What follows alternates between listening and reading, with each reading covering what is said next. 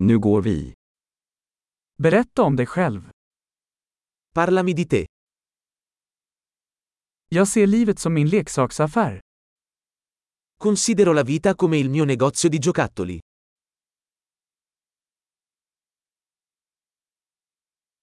Bättre att be om lov än om förlåtelse.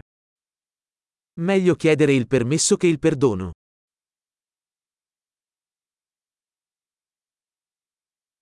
Bara av misstag lär vi oss. Solo attraverso l'errore impariamo.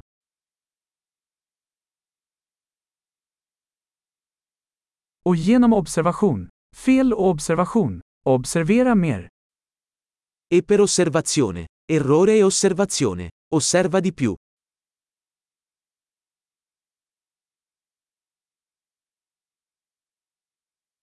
Nu kan jag bara be om förlåtelse. Ora posso solo chiedere perdono.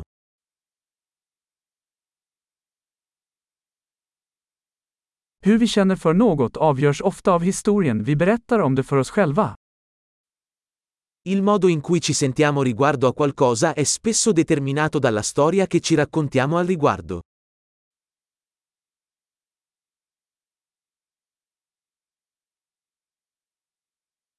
Berättelsen människor berättar om sig själva säger oss lite om vilka de är, och mycket om vem de vill att vi ska tro att de är. La storia che le persone ci raccontano di se stesse ci dice poco su chi sono e molto su chi vogliono farci credere che siano.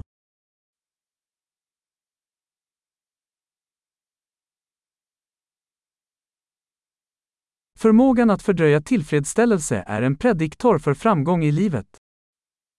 La capacità di ritardare la gratificazione è un fattore predittivo del successo nella vita.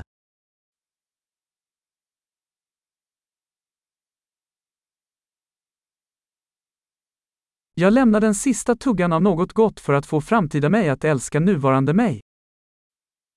Lascio l'ultimo boccone di qualcosa di gustoso per rendere il me futuro l'amore attuale.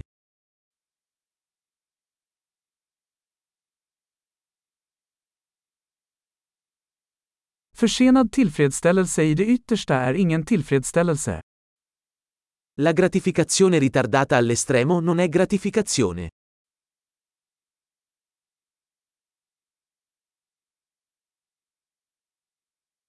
Om du inte kan vara nöjd med en kaffe, då kan du inte vara nöjd med en yacht. Se non puoi essere felice con un caffè, non puoi essere felice con uno yacht.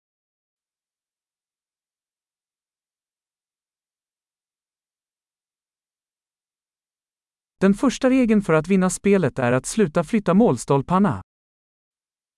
La prima regola per vincere la partita è smettere di muovere i pali.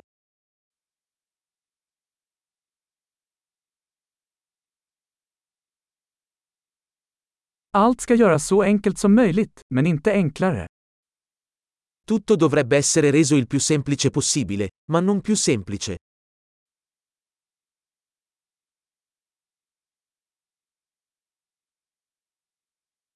Jag skulle hellre ha frågor som inte går att besvara än svar som inte går att ifrågasätta. Preferirei avere domande a cui non è possibile rispondere piuttosto che risposte a cui non è possibile mettere in discussione.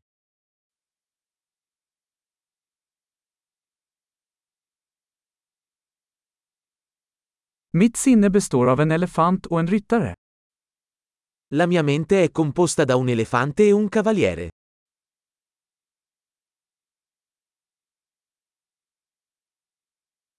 Bara genom att göra saker som elefanten ogillar kommer jag att veta om ryttaren har kontroll. Solo facendo cose che non piacciono all'elefante saprò se il cavaliere ha il controllo.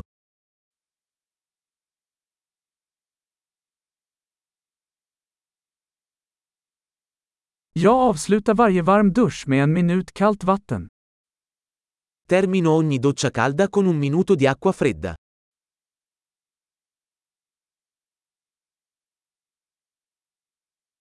Elefanten vill aldrig göra det, ryttaren gör det alltid. L'elefante non vuole mai farlo, il cavaliere lo vuole sempre.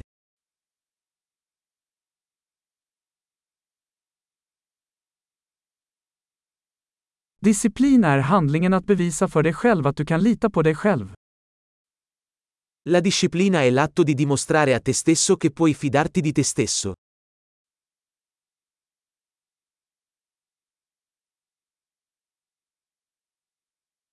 Disciplin är frihet. La disciplina è libertà. Disciplin måste utövas, i smått och stort.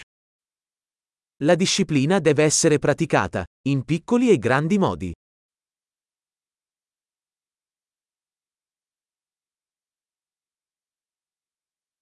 Självkänsla är ett berg gjord av lager av färg. L'autostima è una montagna fatta di strati di vernice.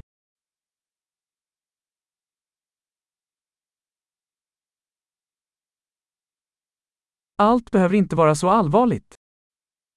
Non tutto deve essere così serio.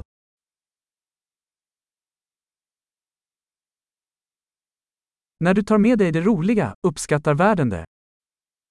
Quando porti il divertimento, il mondo lo apprezza.